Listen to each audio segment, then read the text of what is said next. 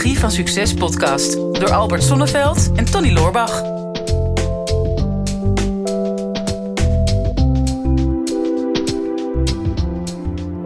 Heb jij wel eens motivatieproblemen, Albert?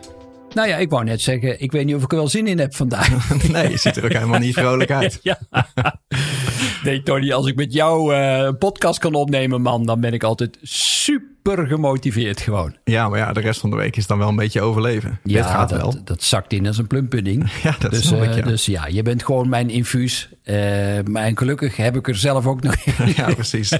Jij zit thuis ook de hele tijd onze eigen podcast terug te luisteren. Ja, dat is, uh, dat is de manier waarop ik overleef. En ik hoop alleen niet dat ze de snoertjes van mijn oortjes doorknippen, want dan kan ik stoppen met ademen natuurlijk. Ja, precies, dat snap ik. Ja, dat is het infuus, ja. Nou ja, we hebben een vraag binnengekregen en dan moet ik even kijken, want er staat bij naam WP Up To Date. Moet Ja. Even kijken of ik daar een uh, naam bij kan vinden, zo snel. Ja, dat zou wel fijn zijn. Moet ik ondertussen een liedje zingen of is dat... Nee hoor, Nee, ik, is niet zo eh, handig ik vind dat het wel. Nee, het, gaat, het gaat namelijk over uh, motivatie, maar ik zie er zo geen naam bij staan. Nou goed, dan gaan we gewoon de vraag van WP Up To Date doen. Op Instagram hebben we die vraag gekregen. Um, hele simpele vraag. Hoe blijf je constant gemotiveerd? Ja. Hey, constant hè? Ja, ja de vooral, hele tijd. vooral dat constant. Dat Ja. is, dat bekruipt me altijd een beetje dat gevoel dat je ook altijd gelukkig moet zijn. Nou ja, Ja. dat is gewoon één grote desillusie. Mhm. Want dat, dat lukt gewoon niet. Dat zijn echt momenten. Ehm, als je maar die momenten weet te pakken van geluk en daarmee ook van motivatie. Ja. Ik zie het veel meer als surfen. Eh, als je naar die, eh, die Hawaii films kijkt waar die gasten, die dudes staan te surfen op die planken. En dan zijn ze heel lang aan het peddelen. En dan, ja, de ultieme kick is als je dan zo'n golf kunt pakken en daar zo lang mogelijk op kunt blijven. Maar je weet dat je weer een keer naar beneden duvelt. Ja. Ehm, en, en dat, je kunt je ook vragen, wat, wat is nou de motivatie? Is dan de motivatie het peddelen? Is dan de motivatie om zo lang mogelijk op die golf te blijven? Mhm. Eh, of is het de combinatie van die twee?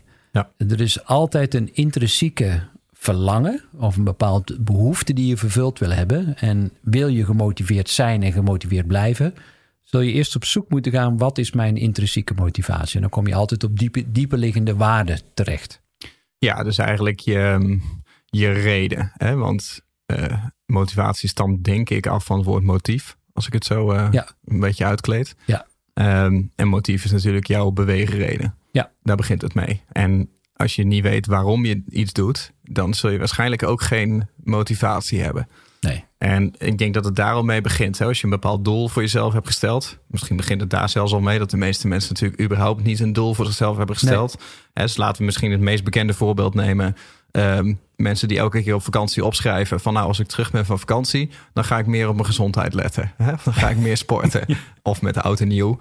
Maar dat komt er dan vaak niet van. Nee. En ik denk op het moment dat jij daarmee begint met dus bijvoorbeeld zo'n uh, zo'n doel van ik ga meer sporten, dan heeft het natuurlijk niet een heel concrete stip op de horizon. Want dat, dat is heel algemeen, ik ga meer sporten. En als je niet weet waar je naartoe gaat, dan wordt het wel lastig om daar een motivatie voor te vinden. Maar als Ja. je dat wel weet, um, dan is natuurlijk de tweede vraag van wat is mijn reden om dit precieze doel te halen? Dus waarom doe ik dit nou eigenlijk? En ik denk als je dat niet hebt, dan heb je geen motief, heb je geen motivatie. Nee, plus dat je ook door kiest een, een doel wat bij je past. Want um, ja, even sommige mensen zeggen ja, ik wil afvallen. Dus ik moet uh, vijf kilo vet verbranden, of zoiets dergelijks. Maar dat is niet het doel. Mm -hmm. uh, er, zit een, er zit een dieperliggende, precies wat jij zegt, reden achter die maakt dat je die vijf kilo kwijt wil raken. Hè? Dus Mhm. is dat omdat je belangrijk vindt dat je langer gezond blijft, zodat je langer voor je relatie, voor je kinderen of voor je klanten er kunt zijn? Of is het de reden dat je een bepaalde vorm van zekerheid zoekt? Of is het juist dat het je meer zelfvertrouwen geeft? Het gaat dus niet over die kilo's kwijtraken. Het gaat over een dieperliggende reden. Ja. En voor ondernemingen geldt precies hetzelfde. Het gaat niet uiteindelijk over winst maken, maar dat wat die winst jou geeft. Mm -hmm. uh, het ja, lijkt natuurlijk. Ego, status, erkenning. ja, bijvoorbeeld. ja, erkenning, herkenning, waardering. Uh, dat, dat kan een prima drijfveer zijn. Er wordt soms een beetje laagdunkend over gedacht, maar uh, wow man, er zijn prachtige ondernemingen neergezet alleen al om die reden. Hè, Mhm. om bijvoorbeeld uh, een zoon die aan zijn vader wilde laten zien dat hij wel degelijk iets waard is. Mm Uh, terwijl hij misschien in zijn opvoeding het tegenovergestelde heeft ervaren. Mhm. Heeft gezien van ja, ik zal eens een bedrijf neerzetten zodat ik de hele wereld kan laten zien dat ik absoluut wel de moeite waard ben. Ja. Als dat jouw motivatie is, niks mis mee. Mhm. Zolang als je er maar een goed gevoel bij houdt. En dat je het niet vanuit een bepaalde angst of een bepaalde kramp doet. Want dan kost het je energie in plaats van dat je energie krijgt van die motivatie. Ja, klopt. Nou ja, er is, er is een, een theorie over. Hè? Ik heb het even nagezocht, want ik wist niet helemaal zeker. Maar ken je de zelfbeschikkingstheorie? Nee, uh, dus zeker niet als jij het hebt opgezocht. Oké, okay. ja, daar durf ik niks meer over te zeggen. Maar, nee, ja, de zelfbeschikkingstheorie is... Ik heb daar wel eens naar gekeken een paar jaar geleden... toen ik onderzoek deed naar de cultuur die ik hier op de werkvloer wilde hebben. Uh, toen begon ik met het bouwen van een team. En dat is natuurlijk een van de essentiële vragen van als jij uh, mensen in dienst neemt... die je gaat aansturen, hoe zorg je dan dat die um, optimaal productief zijn, dat die optimaal renderen. En daar hoort dus eigenlijk ook bij van hoe zorg je ervoor dat iemand ook daadwerkelijk gemotiveerd is. Ja. Want als iemand geen motivatie heeft, dan, dan krijg je dat niet dichtgetimmerd met vaste uren en met Nee. protocollen en dat soort dingen. Onmogelijk. En ik heb er toen naar gekeken. En die zelfbeschikkingstheorie, dat is een beetje de basis van ehm, onze, onze eh, drive tot motivatie, of waar motivatie vandaan komt. En dat laat eigenlijk drie ingrediënten zien wat iemand nodig heeft om gemotiveerd te zijn op de werkvloer. En dat is ten Mhm. eerste is dat autonomie. Ja. Ehm, dus vrijheid van handelen. Of eh, dus, dus niet ingekaderd worden. Je mag het zelf bedenken, je mag het zelf doen. Eh, ten tweede is dat verbondenheid hè, met de mensen om je heen. Ja. Dat je dat niet alleen doet, maar dat je dat met andere mensen doet.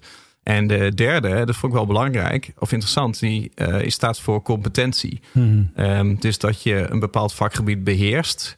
Ehm, en dat je ook de rust hebt om te ervaren dat je een vak beheerst. En eh, die drie samen, als je, als je die alle drie hebt, dan, dan ben je eigenlijk altijd gemotiveerd. Ik denk ja, als je dat zo kan inrichten voor je eigen bedrijf, voor je eigen team, dan kan je het misschien ook wel op jezelf toepassen. Ja, dat lijkt me dan eh, wel zo handig. Ja. En hoe zou dat eh, in jouw geval praktisch uitzien dan? Nou ja, kijk, ehm, bij mij in, in mijn ondernemerschap is die autonomie natuurlijk leidend. Hè? Dus Ja. vrijheid van, eh, van handelen. Maar in sporten heb ik dat ook. Dus, dus ik vind het ook daar belangrijk dat ik toch een zekere mate van vrijheid heb. Want ik heb namelijk een enorm autoriteitsprobleem. en dus als ik iets, iets per se moet. Is me, is me nog nooit opgevallen. Nee, moet per se op een bepaalde manier, dan doe ik het tegenovergestelde. Dan Ja. ben ik, ik ben dan niet gemotiveerd. En dat zul je misschien ook wel herkennen. Weet je, natuurlijk Ja. is het niet zo zwart-wit, want ik heb ook wel eh, in andere podcasts gezegd van ik heb die, eh, die eh, afspraak nodig met iemand anders die, die mij controleert. Dat klopt ook zeker. Hè? Er zit een beetje een grijs gebied in. Maar je wil altijd een beetje het idee hebben dat jij er zelf voor kiest. En wat Ja. je aan het doen bent. En dat je ook zelf kiest hoe je een bepaald doel wil bereiken. Nou, dat is dan die autonomie. Verbondenheid eh, had ik vroeger helemaal niet. Dan was ik liefst helemaal alleen. En mijn eentje met van alles bezig. Totdat ik helemaal merkte dat, dat dan de motivatie wel weg hebt. Ja. Want dan heb je op een gegeven moment een doel bereikt. Maar ja, als jij je successen met niemand kan delen. Eh, en je tegenslagen met niemand kan Mhm. delen. Zo sneu. Ja, dan, maar dan valt de motivatie wel weg. En dat betekent Ja. helemaal niet dat als je een succes behaalt. en jij vertelt dat succes bijvoorbeeld aan je vrienden of aan je ouders. maar het is gewoon een eenrichtingsverkeer. Hmm. Je deelt je succes. Dat is geen verbondenheid. Ja. Hè? Maar als jij met iemand samen hebt gewerkt. en die ander die weet precies wat jij bedoelt. en die voelt de diepte van jouw succes.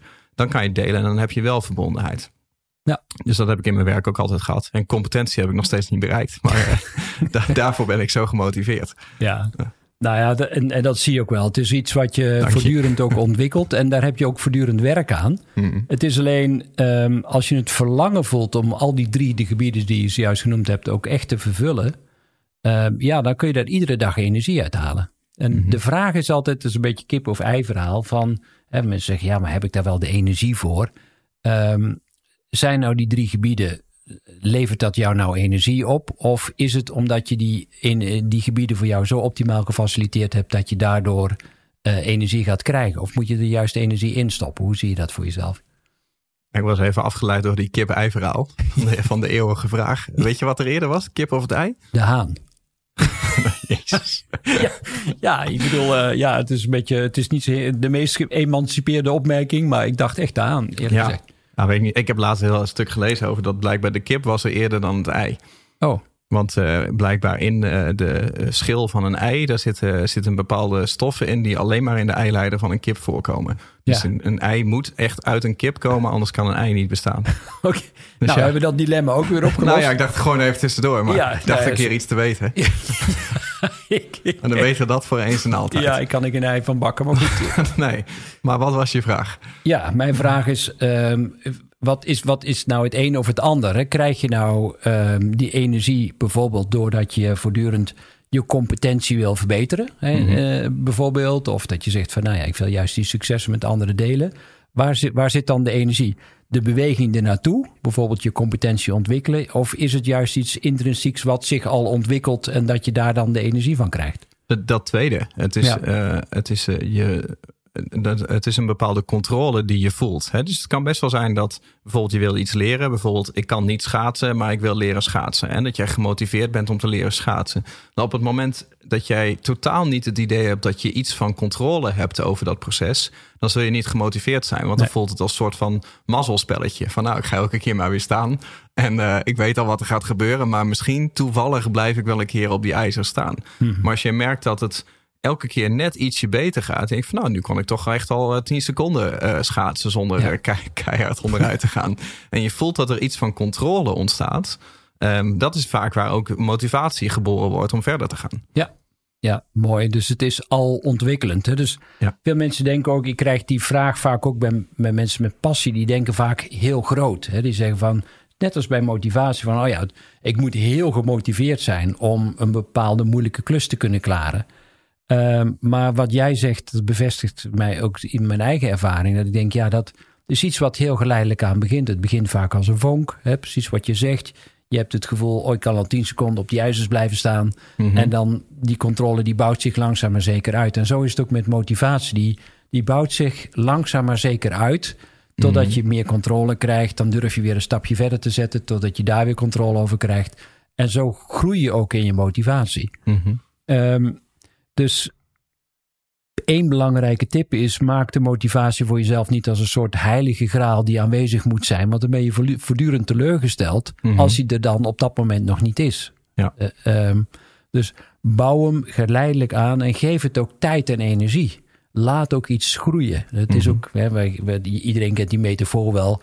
Het gras gaat niet harder groeien door eraan te trekken.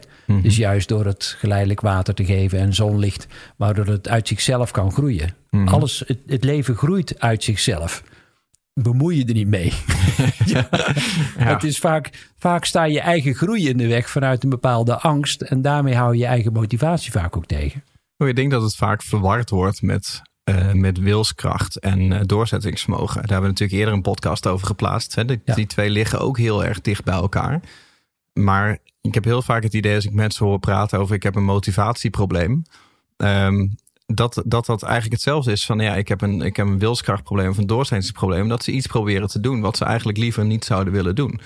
Maar dit- dat heeft niet, niet zo heel veel met motivatie te maken. Ik denk, Nee. Als je geen reden hebt om het te doen, weer dat motief. Dan, ja, dan, dan denk ik dat je het überhaupt niet zou moeten doen. Nee. Maar je moet wel aan jezelf durven toegeven dat er bepaalde dingen zijn in je leven die je misschien liever niet zou willen doen. Ehm, maar ik denk dat dat voor heel veel mensen heel angstig is om heel realistisch te kijken naar zichzelf, of je nou ondernemer bent of niet. Van, ja, ik doe een aantal dingen in mijn leven die ik liever niet doe. En daar heb ik eigenlijk geen motivatie voor. Dus dan moet ik elke keer moet ik dat weer kunstmatig op zien te wekken. Ja, en dat lukt dus niet. En dat, zo zijn er duizenden ouders die iedere keer weer achter hun kinderen aanlopen te vangen en ze te proberen te motiveren om dingen te leren van school. Heb je, heb je je huiswerk al gemaakt? Mijn kind is absoluut niet gemotiveerd. En dan denk ik, ja, als je kijkt naar het huidige schoolsysteem, dan snap ik ook dat kinderen niet gemotiveerd zijn. Er is geen intrinsieke nieuwsgierigheid die gestimuleerd wordt. Eh, of ze krijgen lesstof aangeboden wat ze voor geen meter boeit. Ehm, ja, en ze worden eigenlijk alleen maar teleurgesteld. Eh, en dan is er ook nog niet het gevoel van samen op de manier zoals ze dat ondersteunend nodig hebben om aan een project te kunnen werken. En dan ja, snap ik dat die motivatie afneemt. Dus het is helemaal waar wat je zegt. Op het moment dat je iets hebt en je kunt dat geleidelijk laten groeien. eh, en je gunt het de tijd en je stelt ook realistische doelen voor jezelf. Dan, dan wordt het makkelijker. Maar ga geen dingen proberen die, die absoluut niet bij je passen. Waarom zou je doen? Dus het begint met, eh, met intrinsieke motivatie. Dus hè, jouw beweegreden. Ehm, gekoppeld denk ik aan een gevoel van autonomie. Hè? Dus ik denk het begint altijd met ehm, zelf 100% het idee hebben dat het jouw keuze is. Dat je vrijheid van, van handelen hebt. Ehm, vervolgens kan je het een stuk makkelijker maken door het samen te doen met andere mensen. Die Ja. precies hetzelfde willen doen. En je moet je heel bewust zijn van de progressie die je boekt in dat je het idee hebt dat je beter aan het worden bent. Dat je dichter bij je doelen komt. Want anders dan blijf je niet gemotiveerd. Ja, en, en wees ook realistisch als het gaat over obstakels. He, want um, ja, ik kom nog al eens een keer wat mensen tegen, dan hebben ze eindelijk een beetje die motivatie en dan krijgen ze een obstakel. En dan zeg ik mhm. even grof, dan zitten bij wijze van spreken een scheet dwars en dan haken ze al af. Mm -hmm. Dat is heel grof. Ja, ontzettend. Oh, ja, toch? Ja, ja, ja, dus die lucht is ook niet met haar hier in de studio. Echt, uh, nu begint het wel echt next level te worden, ja, deze podcast. Ja, maar um, ja, die obstakels die gaan komen. En voor mij is dat juist een extra aansporing om door te gaan. Ik mhm. was uh, vorige week uh, in de bergen, in de Pyreneeën met Damian. En ja, zo'n berg, letterlijk en figuurlijk, is een mooie metafoor. Dat is een gigantisch obstakel. Mm. En, en tegelijkertijd had ik een mega motivatie om naar, om naar die top te gaan. Mm. Uh, en um, ja, halverwege nam mijn motivatie af. Weet je, dan kwam er zo'n stemmetje, waar ben ik mee bezig en past dit nog wel bij mij? En is dat niet te hoog gegrepen voor mij, letterlijk en figuurlijk? En, oh, maar toen ik, toen ik mezelf kon toestaan om te zeggen: ja, de, uh, je loopt hier op een berg en natuurlijk krijg je weerstand. Wat, wat had je anders verwacht? Dat is nou juist de kick om niet te overwinnen. Mhm. Eh, ja, ik weet niet waar die energie vandaan kwam, maar in één keer voelde ik weer van: oh man, het is gewoon stapje voor stapje. Ja. Uh, ik kwam iemand tegen die, die was in, in Banjul begonnen, dus aan de Middellandse Zee. En die wil in 45 dagen dwars door de Pyreneeën uh, naar de andere kant, naar de Atlantische Oceaan lopen in Biarritz. 45 dagen in zijn eentje, een rugzak van 19 kilo. En toen stelde ik diezelfde vraag. Ik zeg van, wat motiveert jou om dat te doen? Hij, mhm. hij liep daar letterlijk en figuurlijk in zijn eentje. Ja, wat bezieltje. Wat bezieltje. dat is bijna hetzelfde. Ja. en, uh, en toen zei hij ook, hij zegt ja, hij zegt, ik, ik kan zo genieten van het proces stapje voor stapje... om iedere keer weer een obstakel te overwinnen. Weer een berg gedaan, weer een etappe, weer een berg het gehaald. En dat is waar ik het voor doe. Dus wat je reden ook is, um, hou het klein en realistisch en heb ook aandacht voor de potentiële obstakels. Nou, misschien is dat nog wel leuk om, om nog mee af te sluiten. Dat jij zegt net uh, in de bergen wandelen met uh, Damian. Damian is natuurlijk uh, gedeelde vriend van ons. Ja. En Damian en ik hebben ook dezelfde trainer, ja. Michael. En ik kan me herinneren dat in het verleden deed hij dat heel vaak, dat hij ons met elkaar ging vergelijken. dus als dan bijvoorbeeld ik het er een keer moeite mee had, dus dan moest, ik, uh, moest ik optrekken aan een rek en dan uh, moest dat twaalf keer. En dan bleef ik weer eens hangen bij de elf. Want ik heb mentaal nogal een probleem bij, bij meer dan elf op de een of andere manier. Ja. Um, maar dan, uh, dan stopte ik bij 11, want dan kon ik niet meer. En dan stond Michael dan naast me. Die zei heel subtiel. Nou, Damian deed er vanochtend 12. Bijvoorbeeld. Hè? Ja, ik en, voelde uh, aankomen. Ja, en dat, er zat best wel wat motivatie in. Ja. Om, uh, want, want dan is het ook dichtbij. Weet je, je, je weet van je eigen skills. Maar je, je doet toch een soort van iets samen. Terwijl je eigenlijk op dat moment niet samen bent. Ja. Maar omdat iemand anders hetzelfde doel aan het bereiken is en dan net ietsje verder is dan jij, dan ben je ook weer gemotiveerd om ietsje harder te gaan. Absoluut. En, en dat is ook nog een extra tip. Omring je vooral met energiegevers. Mm En dat is met name de synergie van, uh, ja, komt even een bijbelspreuk voorbij, maar dat mag ook wel. Hè. Gewoon even, ja, is, daar waar twee of meer mensen in mijn naam samen zijn, zal ik in het midden zijn. Hm. En um, zeker vanuit mijn vak uh, heb ik zo gezien, zeg van ja, wat geneest nou eigenlijk? Wat zorgt er nou voor dat dat wat is nou de magie? Maar die magie die ontstaat altijd in het, in het samen zijn. Mhm. Ik weet zeker dat als we deze podcast individueel zouden opnemen, los van elkaar, dat we niet die energie zouden hebben die we mhm. wel hebben nu dat we samen deze podcast opnemen. Dus ik merk ook dat ik, ik kom hier altijd met heel veel energie vandaan. Mm omdat ik, ja, dat, dat versterkt elkaar. Mm en het motiveert me ook om door te gaan uh, met deze podcast. Ja, dus, dus het is iets samen doen. Ja. Um, en toch ook wel, uh, denk ik, realiseren dat, kijk, je kan het zeg maar samen doen door bijvoorbeeld in een team, hè, dus met collega's of met freelancers of um, in een mastermind. Hè, dan doe je bepaalde dingen samen, dan ervaar je ze samen en dan ben je meer gemotiveerd. Maar je kan het natuurlijk ook gebruiken door een beetje bij elkaar af te kijken. En ik denk dat daar misschien nog wel de, um, de moeilijke keuze vaak voor mensen zit. Dat Kijk, als jij zelf de, de beste bent ergens in, dan heb je niet een benchmark. Hè? Dan ben jij jouw eigen benchmark. Ik ben de beste. En uh, bijvoorbeeld een hardloopwedstrijd van ja, zo hard als dat jij kan rennen en je wint altijd, dat is zeg maar de beste tijd ooit. Ja. Maar zodra er iemand sneller dan jij gaat rennen, dan heb je ineens een andere benchmark. En dan weet je waar jij op moet richten. En dan heb je een heel ander soort motivatie. Want je hebt bijna nooit de motivatie om jezelf constant te verbeteren. Nee. Als, je je als je je nergens mee meet. Nee. En, en in jouw geval met Demian, als je nergens aan kunt optrekken. ja. Ja, lekker. nou, ja, precies, nou ja, precies dat. En uh, denk, ja, zorg ervoor dat als je merkt van ik heb een motivatieprobleem en je hebt al deze stappen al doorlopen uit deze podcast, dat je om jezelf heen gaat kijken van wie zijn nou de mensen die uh, net even iets verder zijn of die mm. daar zijn waar ik zou willen komen. Hè? En probeer daar wat meer mee om te gaan. Ja. dan zul je zien dat er een hele natuurlijke motivatie ontstaat om, uh, om ook weer aan de slag te gaan. Ik moet je zeggen, Tony, ik ben weer super gemotiveerd om straks ook weer de volgende podcast met je op te nemen, man. Dit is de Psychologie van Succes podcast door Albert Sonneveld en Tony Loorbach. Ja, beste luisteraars, dat was hem alweer voor vandaag. Weer een aflevering voorbij van uh, de Psychologie van Succes. Ik hoop dat je het waardevol hebt gevonden en um, wat je ons dat ook zou willen laten weten. Uh, mocht je nog niet geabonneerd zijn op onze podcast, doe dat dan even. En wat we heel erg tof zouden vinden, is als je ook even een review zou willen achterlaten. We vinden het natuurlijk heel leuk om te horen van jou wat je van de podcast vond, welke inzichten je eruit hebt gehaald. En om dat natuurlijk in de review-sectie terug te gaan lezen. Heb je nou een vraag en je zou graag met jouw vraag in de uitzending willen komen? Stel hem dan op eh, de social media. Onze kanalen zijn vooral LinkedIn en natuurlijk Instagram. De beste vragen pakken we eruit en grote kans dat je dan terugkomt in deze podcast.